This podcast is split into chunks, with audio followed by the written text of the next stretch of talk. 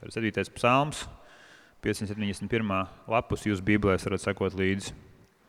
Dāvida psalms, ko viņš dziedājas kungam, par kūšu no Benemiņa cilts. Kungs mans dievs, pie tevis es tveros, atpestī un glāb man no vajātājiem, ka tie kā lauva nesaplēš mani, ka neaizrauj prom, bet glābēja nav. Kungs mans dievs, ja es darīšu to, ja manas rokas nesušas ļaunu, ja es atmaksāju labu ar ļaunu, vai naidnieku aplaupīs aplam, tad lai pretinieks vajā mani un panāk, lai man dzīvība iemīl zemē, lai man pamet pīšļos. Celies jau, kungs, savās dusmās sacēlies pret manu naidnieku negantumu. Mosties un lem ties pār mani. Tauts, lai pulcējās ap tevi, atgriezies augstumos pār tām. Kungs tiesā tautas, spried man tiesu, kungs, pēc manas taisnības un pēc manu krietnumu. Kaut mitētos ļaundu ar ļaundarību, stiprini taisno, jo tu pārbaudi prātus un sirdis, tu esi taisnēs Dievs. Mans vairogs pie Dieva, kas sirdskaitros pestī, pie Dieva tā taisnā soģa, pie Dieva, kas nosod vienmēr. Ja kāds neatgriežas, viņš savu zobenu trin, loks viņam uzvilkts un pacelts. Viņš tam sataisīs nāvējošus ieročus, degošu būts viņš sagatavojas. Redz, ļaun tas ieņem un posta grūts un melus zemdē. Tas bedri roku un dziļu kašu un iekrītākā, ko pats rācis. Pūliņi nāk atpakaļ pār viņu pašu un varmācība krīt pār viņu galvu. Es pateikšos kungam par viņu taisnību un dziedāšu visaugstā kunga vārdam. Tas ir Dieva vārds. Bucha, lifeless bodies, hands bound behind their backs. Iedomāsimies tagad uh, buču, uh, ne, nedzīvi ķermeņi, kas atrodas uz, gu- uz, uz zemes līķi, tātad ar, ar sasietām rokām. A pit of sand with, with hands sticking out. Uh, smilšu kaudze, no kuras izstiept ārā roka. Irpain, a destroyed evangelical conference center. Uh, Irpiņa uh, iznīcinās pilnībā evaņģēliskais uh, konferenču centrs. The charred remains of a heap of Christian books. Tātad sadedzinātas atliekas lielai kristīgai bibliotekai. 1,206 medical facilities damaged, 170 completely destroyed. 1200 slimnīcas, kas ir izpostītas, no kurām 170 pilnībā vairs nepastāv. The maternity hospital in Mariupol, a direct hit. Mariupas pilsētā ir zem, dzemdību hospitāls, kas pilnībā tika iznīcināts tiešā uzlidojumā. A woman pleads for the doctors to save her unborn child. Sieviete, kas lūdz uh, doktoriem uh, izglābt viņas, viņas mirušo bērnu, They can't. viņi, protams, nevar izdarīt to. And she pleads for them to end her life. Un tad viņi lūdz viņiem tā teikt, uh, darīt galvu viņai pašai. And of course they don't, but she dies of her injuries. Viņi, protams, to neizdara, bet viņi gala beigās iet bojā pati no saviem ievainojumiem. A medieval siege in Mariupol. Tā, uh, ielenkums, kas būtu līdzināms viduslaika ielenkumam. Tens of thousands of civilians trapped in their basements, the basements of their apartment buildings. Desmit tūkstošiem cilvēku, kas ir ieslodzīti vai pa, me, meklē glābiņu pagrabos pilsētā. With no water, no food, no medicine, no electricity, no heat, and no way to escape. Tad desmitiem tūkstošu cilvēku bez iespējām izbēgt, bez, ies- bez ūdens, bez gaismas, bez elektrības, bez siltuma, bez pārtikas, tā teikt, ieslodzīti uh, ēku pagrabos. And wherever every promised humanitarian corridor was either mined or shelled. Un pat ja tika apsolīti humanitārā palīdzība, tad jebkurš ceļš uz šo pilsētu ir vai nu mīnēts, vai nu, kad viņš tuvojas, viņš tiek apšaudīts. Two million Ukrainians deported, uh, kidnapped by the Russian army and deported into Russian territory. Divi miljoni Ukraiņas iedzīvotāju uh, nolaupīti uh, un deportēti uz Krieviju kopā ar bērniem. including tens of thousands of children. Tas ir desmitiem tūkstoši bērnu, kas ir apzināti atdalīti un, un aizvest projām no vecākiem. And other things much worse that I cannot describe in this context. Un vēl lietas, kas ir briesmīgākas, lai vispār to publiski šeit pieteiktu. War crime upon war crime upon war crime. Kara noziegums uz kara noziegumu uz kara noziegumu. And of course, that's only half of the cruel cynicism because the other half is the constant campaign of lies by Russia against Ukraine. Un, lai cik šis ne- neskatītos briesmīgi, tā ir tikai puse no tiem briesmu varas darbiem, kas notiekās Ukrajinā. Otra puse ir nepārtraukti ā, meli un, un apmelojumi, kas nāk no Krievijas puses apzinātā, organizētā kampaņā. Accusations of everything from being Nazis to committing genocide among, against their own people to bombing their own hospitals. Tas ir apsūdzības, kas uh, piesaka, ka Ukraiņi esot uh, nacisti, ka viņi izvērš genocīdu pret krievlodīgiem un ka viņi bombardē paši savas slimnīcas. How do you think Ukrainians feel right now about their enemy? Un tad, kad mēs esam šo dzirdējuši, kā jums liekas, ko Ukraiņas iedzīvotāji domā, kā viņi jūtas attiecībā par Krieviju, saviem, saviem ienaidniekiem? Should they perhaps be praying for the repentance of Putin? Vai viņiem vajadzētu lūgt uh, par uh, Putina atgriešanos un par viņu grēku nožēlu? Should they be praying for the forgiveness of the Russian people? Vai viņiem būtu jālūdz, uh, lai, lai uh, viņiem būtu, jābūt, jā, vai viņiem būtu jāpiedod Krievijas iedzīvotājiem? Is that what God's people should be praying for in these circumstances, or, or is there more to say? Tad, ņemot vērā šos visus apstākļus, kas ir tas, kas Ukraiņas iedzīvotājiem būtu jādara šajos apstākļos? Do you think that even among the Christian believers in Ukraine, that there's a temptation to feel intense anger, if not even bitterness or hatred? Vai mēs varam iedomāties, ka Krievi, uh, Ukrainā dzīvošiem kristiešiem būtu ļoti intensīvas dusmas un rūkums par to, kas ir noticis viņu valstī dēļ Krievijas iebrukuma? I know many of you here in Riga have been following the news and have also felt the sense of injustice. Un es domāju, tiem no jums, kas šeit Rīgā sekojat līdz notikumiem, arī jums ir savā ziņā šīs netaisnības un smagums sirdī. And so perhaps you too have also felt similar feelings. Un iespējams arī jums, eh, to visu lasot, eh, ir līdzīgas emocijas un līdzīgas eh, afekts un pārdomas.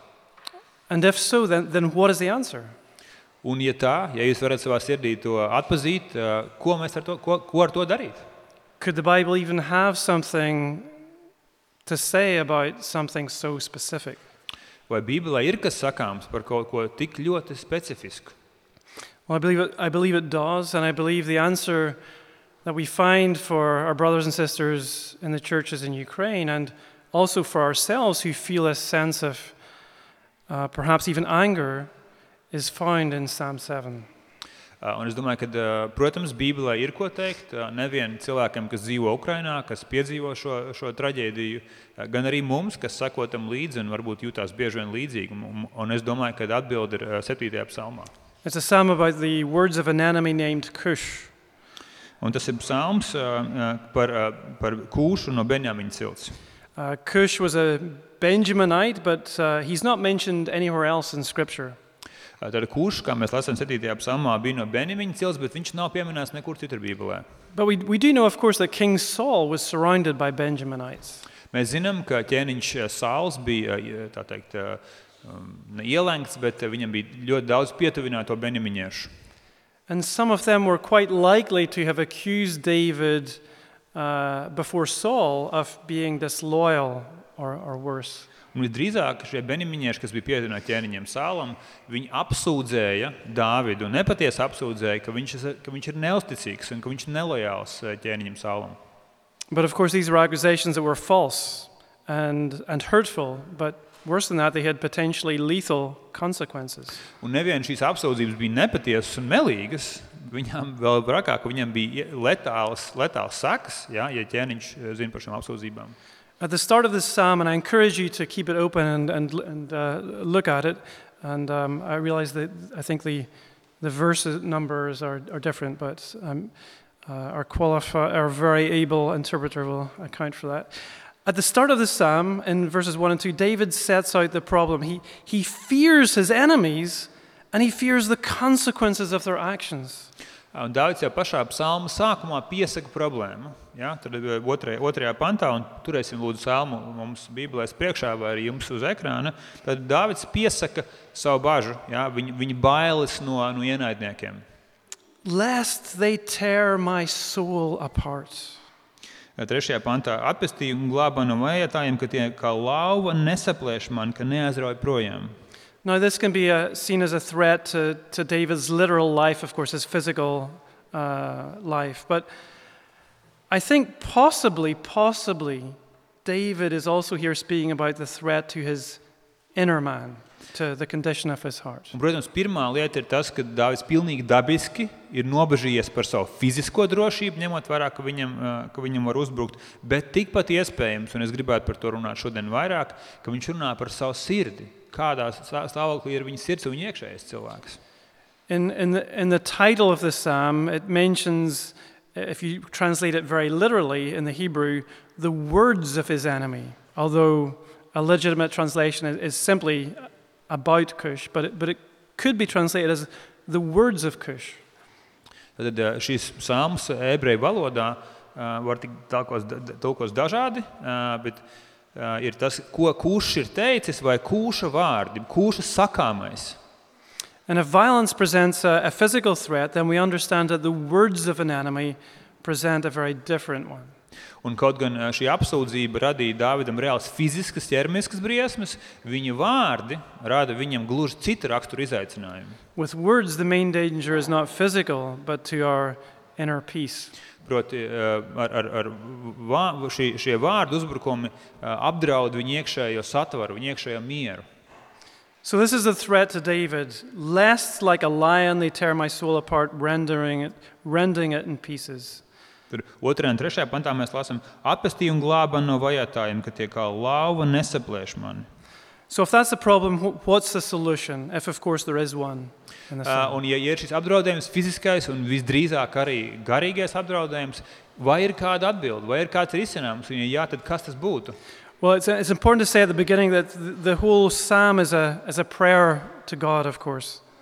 Uh, un viss uh, 7. psalms faktiski ir lūkšana kungam, kas nāk viņa priekšā ar šīm izaicinājumiem. But, but what does David say in this prayer? Let's, let's look at it carefully as we go through the, the psalm. Tad, ko Dāvids saka uh, pantu pa pantam? Uh, first of all, in verses 1 and verses 10, David acknowledges God. uh, he first acknowledges God as his answer and asks God to save him from his enemies. Tad, uh, pašā sākumā jā, uh, viņš vēršas pie Dieva. Viņš saka, Dievs ir mans patvērums, un Dievs ir, Dievs ir tas, kas pasargā no uzbrucējiem, no ļaunuma. O Lord my God, in you do I take refuge. Uh, Kungs, mans Dievs, uh, pie tevis es tveros otrajā pantā. So, he, uh, as, as we come under attack or as we follow the war on the news, we, we need to keep talking to God like, like David did. Un tad, kad mēs, tad Ukraiņas iedzīvotāji piedzīvo uzbrukumus, tad, kad mēs par tiem dzirdam, mēs par tiem domājam, mums jāturpina ar viņu sarunāties šo- nepatikšanu viducī.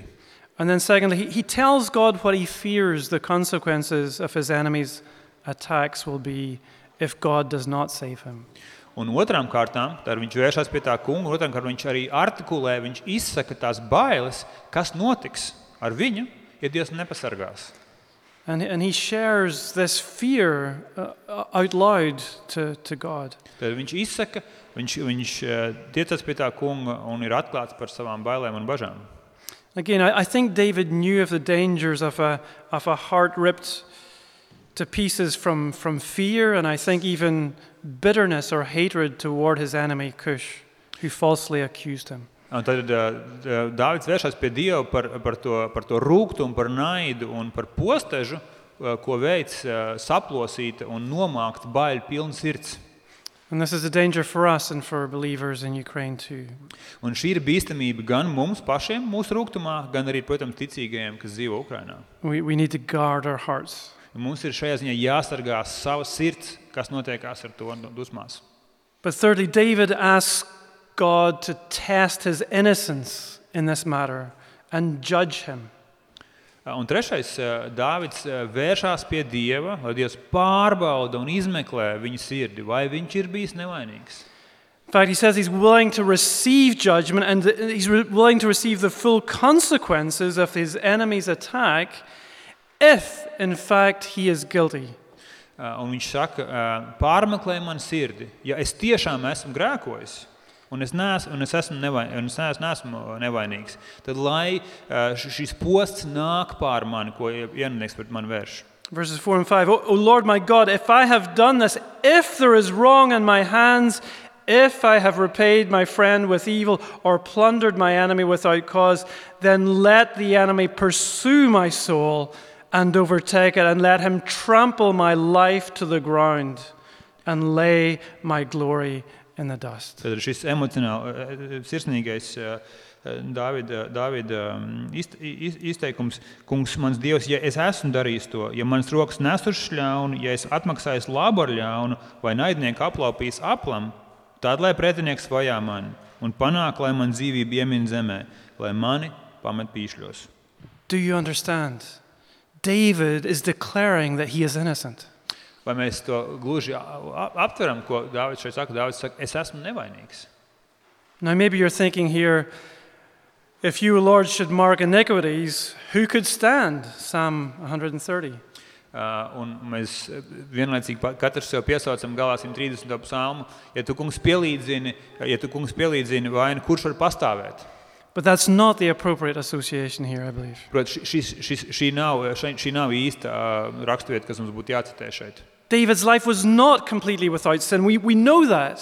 Viņš nerunā par to, ka viņš būtu cilvēks bez grēkiem. Mēs ļoti labi zinām, ka Dāvidam bija daudz un dažādi grēki.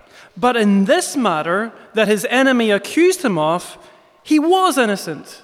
Bet šajā ziņā, par ko kurš viņu apsūdz, un tā tad vērš- vei- veids šo apvērsumu arī sāla līmenī, šeit viņš tiešām nav darījis. Tie, tā, tie ir nepatiesi apmelojumi. And so he demands that God judge him with regard to this matter. Ā, Un viņš lūdz, lai Dievs tiesā, lai Dievs ved taisnu tiesu šajā jautājumā. The attack of David's enemy was undeserved and was unprovoked.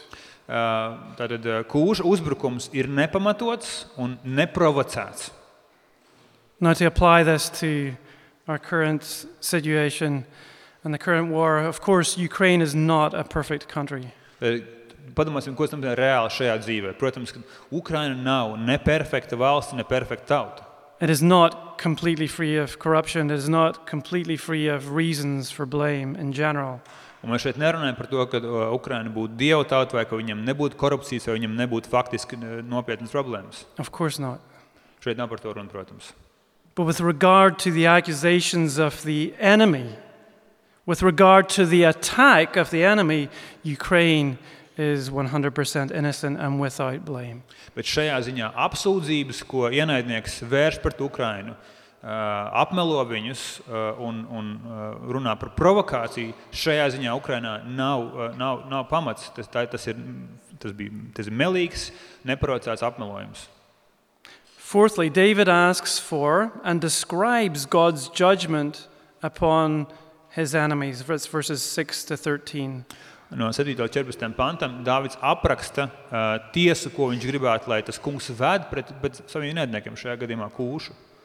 Now, verse 12 does perhaps speak about the repentance of the enemy.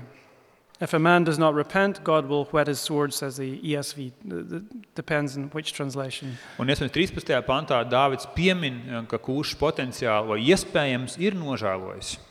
Many people over the years, including our own family, have prayed for the repentance of Putin. Uh, Daudz cilvēki uh, gadiem ir lūguši par Putinu, tā skaitā mēs savā ģimenē esam lūguši par viņa atgriešanos un par viņa grēku nožēlu. But is that really what's most appropriate right now? Bet vai tas ir tas, kas mums būtu šajā gadījumā galvenais, kas mums būtu jādara?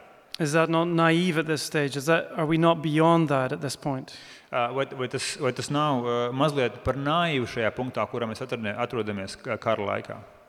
Uh, I do believe that we are. And I believe that in the many imprecatory Psalms of Scripture, we, we do not see David praying during the attack for the repentance of his enemies. Un mēs, un mums Bībelē nedod tādu pilnīgu skaidrību, kad, kad Dāvida lūgšana būtu bijusi par kūšu, vai ka, ka kūš būtu tiešām atgriezies. Rather, he prays for their demise, for their defeat, for their destruction. Tā vietā, tā vietā Dāvids lūdz uh, par tiesu, uh, par viņu krišanu un par viņu apsūdzēšanu. Psalm 109, 6 to 10, for example. Tad sim- 109, uh, sorry, 109. Yeah, what do you read s- verses uh, 6 to 9? Just leave out the last one. Yeah, six to- 109. psalmā no 6 līdz 10. 109. psalms es nolasīšu no 6 līdz 10. Liec pretī tādam tiesnes ļaundari, un tādam pa labi, lai stāj apsūdzētājs, lai tiesas priekšā to atzīst par ļaundaru un viņa lūgšanu par grēku. Lai viņi muširīs, lai viņi amatu, lai dabūtu cits, lai viņa bērni paliek bērnī un viņa sieva atraitnē. Lai klīst apkārt viņa bērnu un ubago, lai nāk ubagot ar saviem graustiem. Or Psalm 35, 8, 8 to 9. Let, let destruction come upon him when he does not know it, and let, let the net that he hid ensnare him. Let him fall into it to his destruction. And then, uh, remarkably, David says, uh, or the psalmist says, Then my soul will rejoice in the Lord. 35, 8 un 9 pāns. Lai negaidot nāk par tiem iznīcību un tīklus, ko lika, lai pašus tver, lai iznīcība tur viņus ierauj, tad man dvēsele gavilēs kungā, līksma, ka viņš glābis. Now, we need to be very, very careful when we appeal to the imprecatory Psalms. Uh, un mums jābūt ļoti, ļoti īpaši piesardzīgiem, ka mēs šos teikt, tiesāšanas un dieva soda psalmus piesaucam vai novēlam kādam. They are not to be used in, for our, in cases of our own injured pride or personal inconvenience at some matter, or you know maybe someone in the coffee shop spilled our the barista spilled our coffee or something. Of course, this is, this is not, uh, um, this, this is relevant to a very specific context. Šīs raksturvietas nav iegansts, ka mums piesauktā kungu vārdu mūsu aizvainojumu vai mūsu lepnumu gadījumā. Jeb kāds baristi kafijas, kafijas veikalā izlaiž mums uzlaiž kafiju virsū, mēs piesaucam tā kungu vārdu viņa dievoties. Protams, tas nav, šeit nav runa pilnīgi par to, protams. Here is a situation where it is clear who is in the wrong and where there is objective innocence. Uh, šī ir situācija, kur uh, tie ir skaidri apmelojumi, tie ir meli, tā ir apsūdzība, uh, un, un Dāvids uh, nav vainīgs šajā situācijā pie apsūdzētājiem. And, and David welcomes God's judgment on the matter. And he, he calls for God's judgment. Uh, un uh, Dāvids apelē pie tā kunga tiesas, viņš lūdz Dievu ies, iesaistīties un tiesāt. Fifthly, as, as part of the judgment that he asks God for his enemies, he, he describes how that looks like in verses 14 to 16. Uh, tad 15. un 16. pantā Dāvids paskaidro, kas ir tā tiesa, ko viņš, pie kā viņš apelē un ko viņš gaida un ko viņš lūdz. And, and it's what I would describe as the, the, the boomerang effect of sin. Un es, es šos divus, psalmus, eh, divus pantus psalmā sauktu par ļaunuma bumeranga efektu. Maybe you can read 14 to 16. Tad ir 14, 15 un 16. Redz, ļaunums, redzi, ļaunu tas ieņem un posta grūts un melz zemdē. Tas bedra roku un dziļu kašu un iekrīt tā kā ko pats rācis. Puliņi nāk atpakaļ par viņa galvu un varmācība krīt viņam par galvu. And we, we see something similar just two Psalms later in Psalm 9, verse 15. Uh, the nations have sunk in the pit that they made, in the net that they hid, their own foot has been caught. Uh, šī, šī ir tēma, kas atkārtojas 9. psalmā, pāris psalmus uz priekšu, 16. Uh, pāns. Noslīka tautas bedrē, ko pašas raka, cilpā, ko pašas slēpa, tām aizķērās kāja. Or think of the Exodus. God didn't just stop Pharaoh's army, he destroyed it in the Red Sea. Uh, vai padomāsim par, uh, par uh, otro mūzu grāmatu, kurā um, faraons ne tikai aizkavēja uzbrukošo eģiptiešu armiju, bet viņu noslīcināja. Or Esther chapter 9 verses 24 to 25. Maybe you can read that. Uh, Esther 9. Vai, Est, vai Esteras grāmatā uh, 20, uh, sorry, which chapter? Esther 9, 24 to 25. While you look for, I'll, I'll read it. Uh, Haman the, had plotted against the Jews to destroy them and had cast poor to crush and destroy them. But when it came before the king, he gave orders in writing that his evil plan that he had devised against the Jews should return on his own head and that he and his sons should be hanged on the gallows. Esther 9 24 Tad, kamēr Astars izdarīja 24, Esteras grāmata 9. nodaļa 24 un 25. Jo visi jūdu ienaidnieks apgāgāgietis Hamans, Hamdata dēls, perināja nolūku tos izdeldēt, un tādēļ meta lozes pūri par to, ka tos iznīdēt un izdeldēt. Kad Ester nāca ķēniņa priekšā, ķēniņš ar rakstu pavēlēja atsaukt pret jūdiem iecerēto ļaunumu, un tas nāca pār viņa paša galvu. Viņu un viņa dēlus pakāra karātavās. Look, we, we are assured of eternal justice. Uh, and verse 7 implies that context as well. But in my estimation, it is this boomerang effect of sin, uh, the boomerang effect of, um, uh, of, of, evil, which above all presents the biggest hope for Ukrainians today who hope and long for justice before Christ returns. Tad šīs raksturvietas, kuras mēs lasījām, šis ļaunuma bumeranga efekts, visas šīs ieceres, šie ļaunuma perinājumi, apsvērumi, kas tika vērsti pret nevainīgām, pret, šajā gadījumā pret jūdu tautu, viņi nāk atpakaļ kā bumerangs. Ja? Tad lietas, tādas cilpas, kas tika izliktas, vai bedres, kas tika rāka, paši viņās iekrita, paši cilpās aizķērās. Tad šis ir tas bumeranga efekts, uz ko cilvēki un, un Ukraiņas tauta varētu šajā gadījumā arī cerēt. This is realistic. Un, un tas, ir, tas ir realistisks risinājums vai, vai scenārijs. When you've experienced the atrocities that Ukraine has experienced, then are you really going to tell the parents of the young girls violated by occupying soldiers or the husband of the pregnant mother shelled by Russians that they should not want vengeance? Šis ir sarežģīts jautājums, ko mēs, ko mēs stāstām teikt, mazgadīgu meiteņu vecākiem vai, vai vīriem, kurus sievas ir cietušas ka, viņ, ka viņam nav nekādas tiesas, nekādas ļaunums par viņu nenāks par šiem ļaundarītājiem. It is natural to want this, but it is God's place to give vengeance. Prot, pavisam cilvēcīgi mums gribās atriebību, mums gribās, mums gribās taisnu tiesu, bet šis, šis soļu krāslis ir aizņemts, tas ir Dieva ziņā. Sots un tiesa ir Dieva ziņā. It is God's place to judge. Dievs lems savu tiesu savā laikā. Now, one, one caveat is that since David is God's anointed king, or king to be, his enemies are automatically God's enemies. Būtiska atšķirība, ka, ka mēs esam ļoti piesardzīgi ar šo, kā šīs rakstītas uz mums. Dāvids ir dieva ķēniņš, vai dieva ķēniņš, kas kļūs par ķēniņu pavisam drīz. Līdz ar to Dāvida ienaidnieki ir dieva ieceltā ķēniņa ienaidnieki. Šis, šis nesam mēs ar jums. We are not saying that, I'm not saying that the people of Ukraine are the people of God. Uh, vēlreiz mēs nesakām šeit šodien, uh, ka uh, Ukraiņas tauta vai Ukraiņas cilvēki ir dieva tauta. No, but God does hate evil and he will judge evil. Tas, ko mēs sakām, ka Dievs nīst ļaunumu un ka Dievs tiesās ļaunumu. And even in the book of Revelation, chapter 6, verse 10, the people of God call for God's vengeance upon their enemies. Un atklāsmes grāmatā 6. nodaļā, 10. pantā, Dieva tauta lūdz to kungu un lūdz tā kunga atriebību pret ļauniem un pret ļaundarītājiem. And every time we pray God's kingdom come, we too pray for a, an hastening of the judgment upon, uh, upon wrong and evil.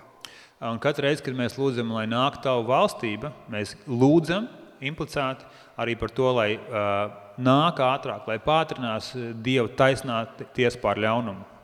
Psalm 7 is God's inspired word. Un eh, psalms, sēdies, psalms ir tā kunga iedvesmots vārds. In, in this clear-cut example of evil aggression, I, I do believe that we can and should be praying for this biblical boomerang effect.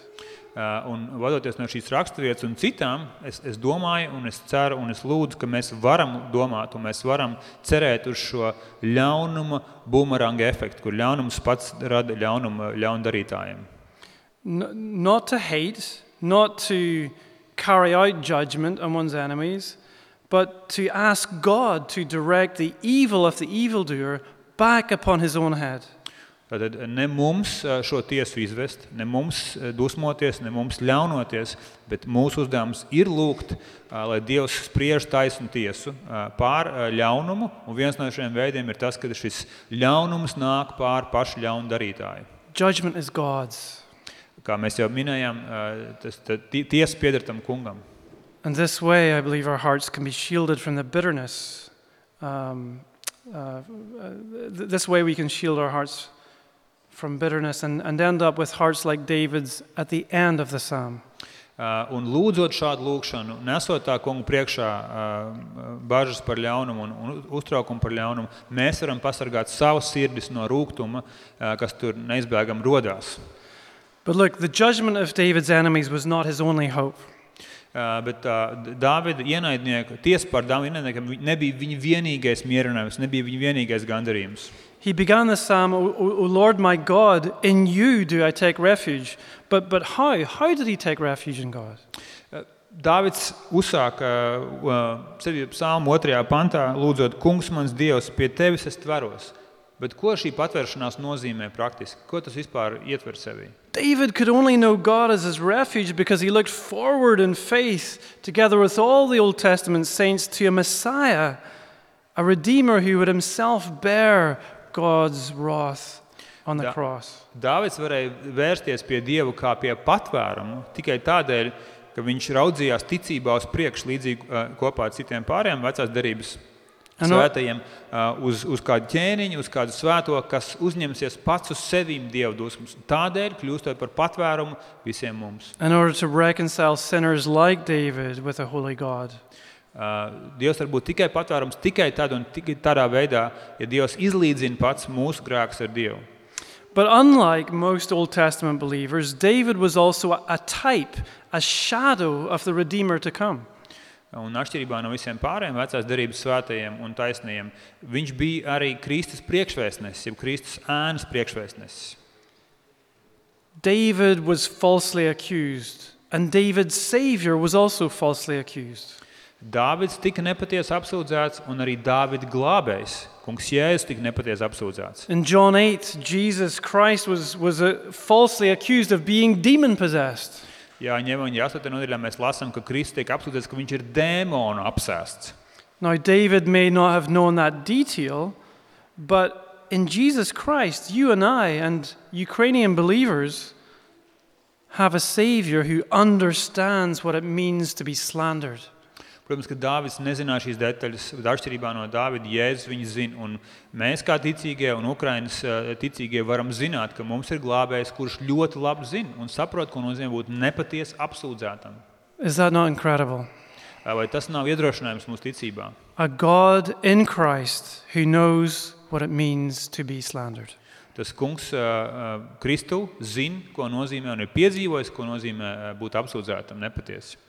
And so, beyond slander, David's prayer for judgment on his enemies, Raugoties tālāk uh, par to, uh, kā Dāvids jūtās uh, un kā Jā- Dāvids paceļ savu balstā kungu lūgšanā par, aps, par apsūdzībām. if God sees fit to preserve us in the midst of attack, there will be a time for praying the prayer of our slandered Savior for his enemies. Un, ja tas kungs ir izvēlējies mūs uzturēt un, par- un par mums aizlūgt un, un par mums parūpēties š- šī uzbrukuma ietvaros, gan Ukrajinā, gan Latvijā, tad pienāks brīdis, kad arī mēs varēsim lūgt mūsu kungu lūgšanu. Father, forgive them, for they know not what they do. Eh, Tēvs piedod viņiem to, ko viņi nezina, ko viņi dara. Let's also remember that Christ did not receive justice from the hand of man. Eh, Un, un pat, pat, pat, paturēsim prātā, ka Kristus ir, ir, ir cietis eh, grēcinieku rokās. Finally, verse 17. Un eh, 17. 17. psalmā, 7. psalmā, 17. pantā, noslēdzot. In these circumstances where David, I think, feared for the state of his soul, his heart, where he was under a, an undeserved attack of his enemy, Uh, Un uh, Dāvids pārdzīvo par savu sirdi, par savu sirdi, uh, par to, kas notiks ar viņu sirdi, par bailēm, kas nāk pār viņu, kad viņš tiek nepatiesi apsūdzēts. we cannot shortcut, I, d- I believe we cannot shortcut from verse 1 to verse 17 or 18 in there.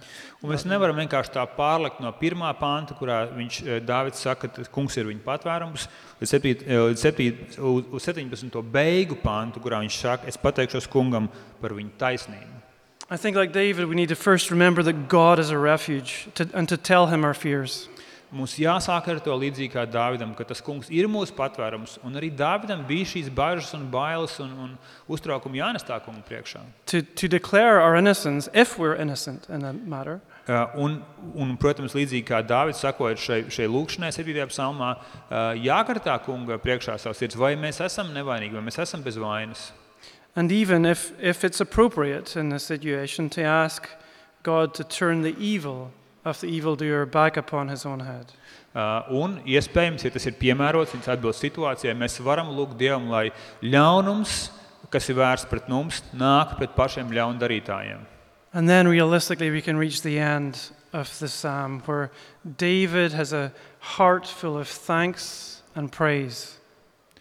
Un, un cerams, ejot šo, ejot šo ceļu, arī mēs varam sasniegt situāciju, sa- sasniegt sirds stāvokli, kurā no bažām, uztraukumiem un bailēm eh, mēs varam nonākt pie pateicības. Ar pateicīgu sirdi jau 18. psalmā sakot, es pateikšos kungam par viņa taisnību, es dziedāšu visaugstākā kunga vārdā. Look at the last verse. It, it's, it's, it's not a heart full of bitterness or hatred. Uh, Šis, šis pēdējais, pēdējais pāns, 7. psalmā, viņš nav baiļu, terora un panikas pilns. He ends his prayer with a heart directed toward God and not a soul that has been torn apart. Viņš paceļ savu sirdi tā kunga priekšā, viņš ir mierīgs un bail, bailes, kas līdz šim ir paralizējušas, viņu vairs neparalizē. And so let's end by reading the last verse of this psalm. I will give thanks to I, I will give to the Lord the thanks due to his righteousness, and I will sing praise to the name of the Lord the Most High.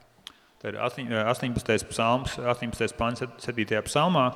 Es pateikšos kungam par viņa taisnību un dziedāšu visaugstākā kunga vārdam.